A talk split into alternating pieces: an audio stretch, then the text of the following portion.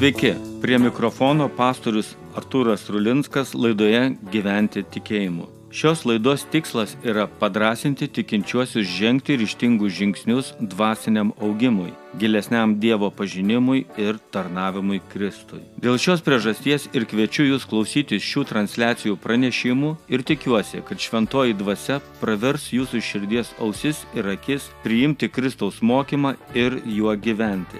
Jei pranešimas palėtė jūs, pasidalykite juos su savo draugais, O jei norite daugiau sulaukti panašaus pobūdžio mokymo, tuomet užsiprenumeruokite šias laidas. Iki.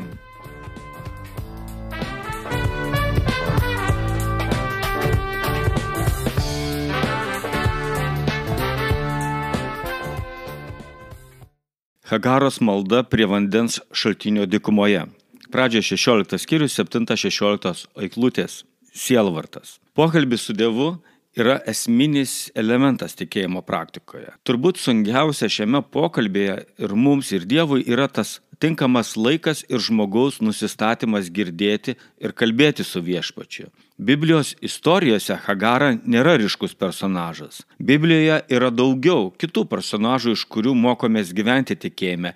Vis dėlto skaitydami apie Hagarą, Abromo žmonos vergę ir Abromo sūnaus Izmailio motiną, mes sužinome kai ką apie viešpatį ir kaip per sielvartą, per šauksmą dikumoje viešpats atsiliepia ir veikia žmonių gyvenimuose. Hagaros malda yra ypatinga keletų aspektų. Tai antra malda Biblijoje.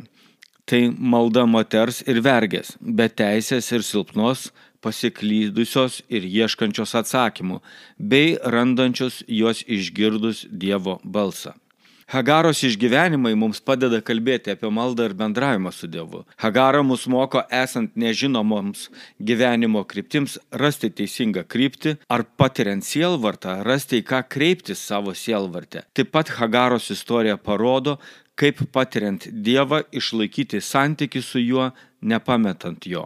Pirmiausia, kalbėsiu apie maldą, kai nežinai, kur eiti ir ką daryti. Pradžio 16 skyrius 70 eilutės. Viešpaties angelas atrado ją prie vandens šaltinio dikumoje. Prie šaltinio pakeliui į Šūrą ir tarė, Hagara, Sarajos vergė, iš kur ateini ir kur eini. Jie atsakė, bėgu nuo savo šeimininkės Sarajos. Viešpaties angelas tarė jai, grįžk pas savo šeimininkę ir paklusk jos šiurkščiai rankai, nes kalbėjo toliau jai viešpatės angelas, padarysiu tavo palikuonis tokius gausius, kad jie per daugumą bus nesuskaitomi.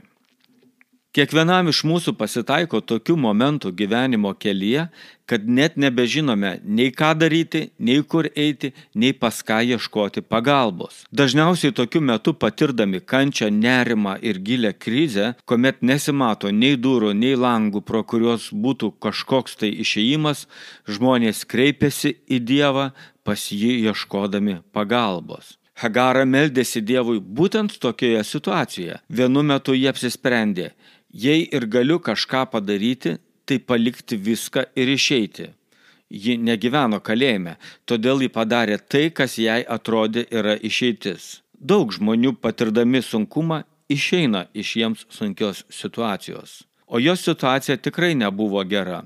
Ji laukėsi kūdikio nuo savo šeimininko Abromo. Tačiau namuose, kuri, kuriuose gyveno, patyrė nuožmų savo šeimininkės pyktį ir engimą. Saraja matydama jaunosios Hagaros pranašumą, jos jaunatvę ir neštumą ir tuo pačiu jos išdidumą ir puikavimąsi savo pranašumu prieš šeimininkę, jautė asmeninę grėsmę prarasti savo padėtį namuose, išgyveno pavydą ir pyktį ir dėjo didelės pastangas, kad būtent taip Hagara ir pasielgtų, kaip ji pasielgė dabar, paliktų namus.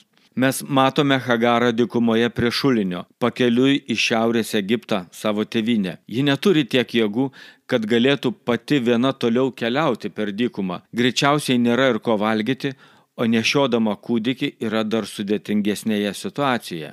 Viešpats matydamas Hagarą ir atsiunčia pas ją savo angelą apsvarstyti šios situacijos ir pirmiausia užduoda jai klausimą, iš kur ateini ir kur eini.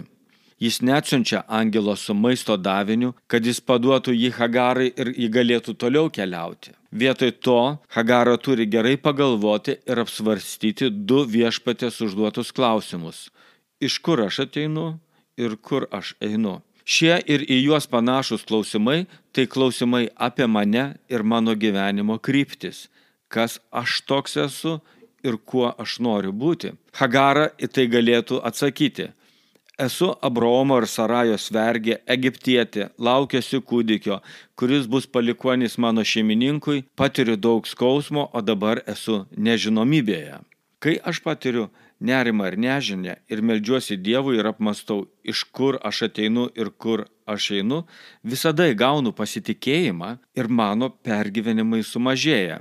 Mano praeitis man liūdė didelį Dievo gerumą. Mano patirtis yra tokios, kad galiu sakyti, viešpats manimi iki šiol labai gerai rūpinosi. Mano praeitis man pasako, kad į ateitį eidamas, kad ir kokia ji galėtų būti gera, aš nenoriu nutolti nuo viešpatės ir todėl seksiu jį ten, kur jis mane ves. Psalmėse yra apmastyta, juk viena diena tavo kiemuose vertesnė už tūkstantį bet kur kitur. Verčiau gulėčiau prie Dievo namų slengščio, negu gyvenčiau nedorelių palapinėse. 84 psalmė 11 eilutė. Gali būti, kad mūsų patirtis yra labai skirtingos ir daug žmonių atsigrėždami atgal pasakytų, nieko gero nematau, nes visą gyvenimą patyriau vien skausmą, neteisybę, nuolatos stokojau. Meldžiuosi Dievui, kad mane iš viso to išvaduotų.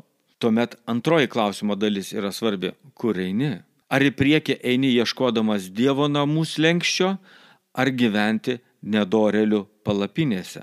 Jei sažiningai, tai daugelis sakytų, Keliauju ten, kur galiu būti laisvas, kur manęs neengia, kur galiu užsidirbti gyvenimui ir auginti savo vaikus. Daugeliu bėgančių nuo neteisybės kryptis, jei tai yra ne prie Dievo namų slengščio, tai yra rožinės svajonės link, gerovės miesto miražas, dikumoje, nes nėra tokio dalyko kaip laisvė nuo problemų, nuo vargo, nuo skausmo, nuo engėjų, nuo nesažiningų politikų, nuo mokesčių mokėjimų ir panašiai. Hagara buvo nemaloniai nustebinta, kad viešpatės angelas jai palėpė grįžti atgal pas ša, savo šeimininkę ir paklusti jos širkščiai rankai. Ar gali viešpats taip atsakyti ir kenčiantį žmogų gražinti į kančios vietą? O gal viešpat žino, kad kančia Abromo namuose yra palaimingesnė negu kančia Egipte? Be to, gyvenime yra ir svarbesnių dalykų negu mano kančia. Viešpačiai rūpi ir kūdikis, kuris gims. Ir jis augdamas Abromo namuose šalia savo tėvo, jis bus arčiau ir Dievo namų slengščio, o ne nedorelių palapinėse. Kažin ar Hagarai patiko toks atsakymas į jos maldą? Greičiausiai ne grįžti, atsiprašyti, pasižeminti, paklusti ir tarnauti savo šeimininkiai, prisimenant, iš kur ji pati yra kilusi ir ką yra Abromo namuose gavusi. Atsakymui reikia laiko ir dikuma yra gera vieta tai apmastyti. Antra, malda yra šauksmas sielvarte. Pradžio 16 skyrius 11-12 eilutės taip sako, viešpaties angelas tęsė sakydamas jai, žiūrėk, tu esi neščia ir pagimdysi sūnų, pavadinsi jį Izmaeliu, nes viešpats išgirdo tavo sielvarto šauksmus. Net kai Dievas ir atsako į maldas, tai, ką jaučiame, nedingsta. Hagara gyvena sielvarte ir sielvarte ji šaukėsi viešpatės. Ką paprastai žmonės daro, kai sielvartauja? Sielvartė žmogus turi dvi kryptis ir jis renkasi vieną iš jų. Pirmoji kryptis sielvartė yra nuodėmės link. Vieni žmonės sielvartę gimusi pykti išlieja ant kitų asmenų, kai kurie sielvartą numalšinti pradeda vartodami svaigalus arba randa kokią nors pavojingą veiklą. Dažniausiai vykstantis sprendimas sielvartė turbūt yra graužti save iš vidaus. Selvartaujantis žmogus tokiu atveju tampa uždaras, nebendraujantis, nerodo jokių iniciatyvų, neturi jokių norų. Tai, kas atrodo yra mažmožis, tampa sunkia problema. Net ir tai, kas truputį trikdo, tampa ypatingai sunkiu išmėginimu. Savo sielvartę prasideda savęs naikinimo procesas, kuriame sielvartas perauga į lygą. Viskas tampa sunku ir nepakeliama, net jeigu tai yra net ir smulkmena. Kai sielvartas lieka kūne, ne tik žmogui sieloje nėra gerai, tačiau už paskos pradeda ateiti įvairūs kūno skausmai, sutrinka normali organizmo veikla, kas visiškai sugniuždo žmogų. Nežinome, ar Hagara iš namų pabėgo jau patirdama maksimaliai didelę emocinę ir fizinę Sarajos nemalonę, ar patirdama kažkiek sunkumų iš Sarajos pusės, kuriuos jį būdama nešia ir padidinto jautrumo taip sureikšmino, kad jai atrodė nepakeliama. Akivaizdu yra viena - Hagara tikrai selvartavo ir nematė jokios išeities, todėl ji bėgo. Apaštalas Paulius parodo, kaip sielvartas dažnai veda į nuodėmę. Romiečiams antras skyrius 90 eilutės taip sako, sielvartas ir suspaudimas sielai kiekvieno žmogaus, kuris daro blogą. Ir šlovė pagarba bei ramybė kiekvienam, kuris daro gerą. Apaštalas mums rašo, kad renkantis prastus sprendimus, nuodėmės kelyje sielvartas tik didėja ir žmonės jaučia dar didesnį suspaudimą, tačiau pasirenkus elgtis teisingai sielvartas persimaino į ramybę. Yra įmanoma gyventi sunkiai, tačiau ramybėje. Sielvartą patiria ne vien tik individai, kaip šiuo atveju Hagara, tačiau ir šeimos, bendruomenės, miestai ir netgi, kaip parašyta pakartoto įstatymo knygoje, tautos. Antroji kryptis, kurią renkasi žmogus, yra dvasinio augimo, atsižaidėjimo klaidingo kelio, neteisingos krypties ir Dievo link. Tame pačiame laiške romiečiams Paulius miesto krikščionims rašo, mes taip pat didžiuojamės sielvartais, žinodami, kad sielvartas gimdo ištvermę, ištvermė išmėginta darybė, išmėginta darybė vilti. O viltis neapgauna, nes Dievo meilė išlieta mūsų širdise šventosios dvasios, kuri mums duota. Romiečiams penktas skyrius. Skaitome, kaip pats pranašas sielvartavo ir to sielvarto dėka auga, o po to dalyjosi, kaip iš sielvarto jam gimsta ištvermė, dorybė ir viltis. Sielvartą reikia neužgniaušti, bet išreikšti. Paulius apie savo sielvartą rašė ir juo dalyjosi bažnyčioms ir savo patyrimu jis daugelį mokė, kaip štai keičiasi gyvenimas, kai kalbi apie sielvartą, apie sunkumus, apie kančią. Skaitant apie Hagarą savo sielvartę, ji pasirinko šauktis viešpatės. Ir kaip pasirodo, ji buvo pasiruošusi viešpačiui paklusti.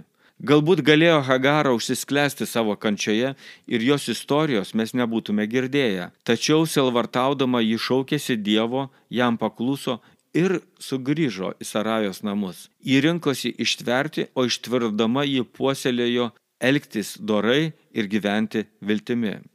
Viešpats Hagarai jos sielvartė kalbėjo ne per regėjimą, ne per sapną, ne per vidinį balsą, bet per angelą. Žmogui, kuris šaukėsi Dievo, vis dėlto reikia kitos mens, kuris mato reikalus iš kitokios perspektyvos. Silvartaujančiam net ir maldos žmogui reikia fizinio kontakto, konkretaus asmens, kad ne tik būtų galima patirti paguodą, bet ir pamatyti kryptį, kurią reikia eiti. Užduodant klausimus verta priminti ir visus gerus dalykus. Hagarai viešpats priminė, tu juk turėsi kūdikį, tau jį reikės auginti ir rūpintis, ir kur geriau juo bus pasirūpinta negu jo tėvo namuose grįžk atgal, lik ten, bus sunku, na ir kas. Dar daugiau duok jam vardą, kuris primins šį mūsų susitikimą, kuriame sielvartę tu pasirinkai ištverti, elgtis dorai ir turėti viltį. Moteris pokalbį savo sielvartę su viešpačiu prisiminė duodama savo kūdikiu į vardą Dievas išgirdo. Manau, kad ir mes išgyvename įvairius sielvartus. Sužlugusios viltis, nelaiminga meilė, netikėtai pasirodžiusi lyga, nepavykęs projektas, miręs brangus, brangus asmuo, patirtos skirybos, nesisekantis darbas. Yra daug priežasčių, per kurias mes pradedame sielvartauti. Savo sielvartę šaukimės Dievo, ieškokime žmogaus, kuris iš viešpaties pusės gali padėti ir pamatyti kryptį, kurią man reikia eiti. Trečia Hagaros maldos dalis - prisiminimas. Dievas mane mato. Pradžio 16 skyriaus 13-14 eilutės rašo. Su ją kalbėjusi viešpati ji taip pavadino. Tu esi matymo Dievas. sakė ji, nes argi aš iš tikrųjų mačiau Dievą ir pamačiusi išlikau gyva? Todėl šaltinis buvo pavadintas šaltiniu gyvojo, kuris mane mato. Šio pasakojimo 13 eilutė parodo, kad su Hagara kalbėjo viešpats, nors į pokalbį ir buvo atsiųstas jo angelas. Hagaros liudimas, kurį ji įsiminė savo ir yra, su manimi kalbėjo viešpats. Kuris kalbėjo? Dikumoje prie vandens šaltinio. Kodėl viešpats kalbėjo? nes jo šaukiausi. Ką supratai iš šio susitikimo su Dievu? Jis mane mato. O ką tau reiškia, kad tu žinai, kad Dievas tave mato? Nebėra ko bijoti. Dar kartą Hagara įvardė susitikimą su Dievu, dabar jau duodama vardą ir šuliniui, prie kurio ji išgyveno susitikimą su Dievu, sakydama, šaltinis gyvojo, kuris mane mato. Daug blogų pasirinkimų esame padarę ir pasidavę nuodėmiai vien per tai, kad pagalvojame, jog niekas mūsų nemato. Jei patys nenuspręsime ir nepadarysime, niekas mumis ir nepasirūpins, niekas mums nepadės. Jeigu Adomas ir Jėva tuo metu, kai juos gundė žaltys, būtų pagalvoję, kad viešpats juos mato, manau, jie nebūtų į šį pasaulį įleidę mirties.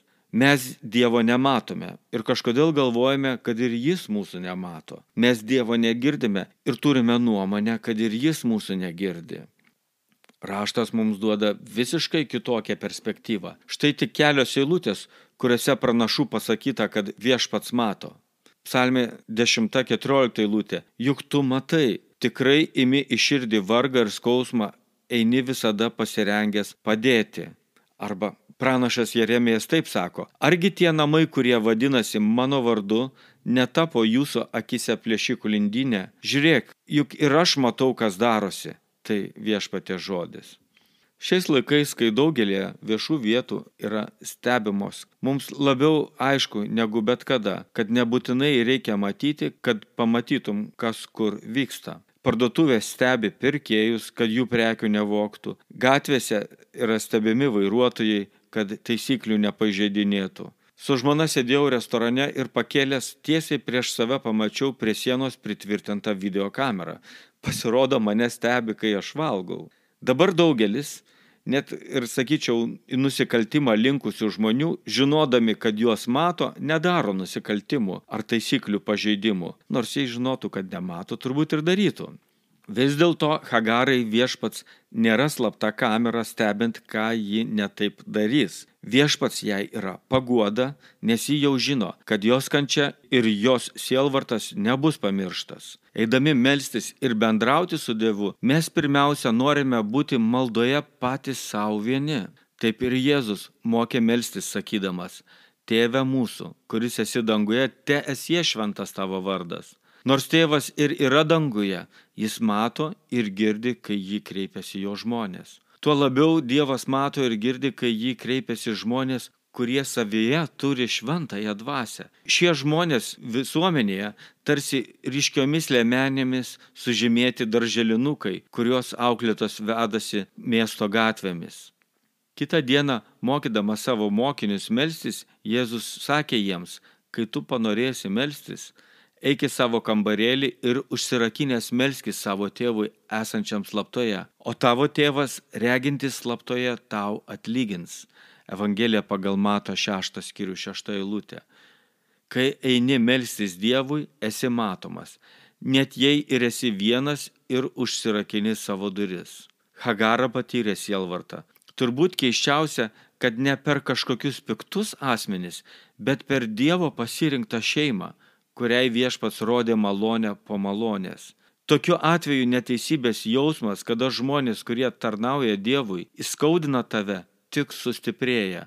Ir tokiu atveju tik norisi toliau būti nuo tokių Dievo tarnų. Jei Dievas yra jų pusėje, tai kaip jis gali būti ir Hagaros pusėje?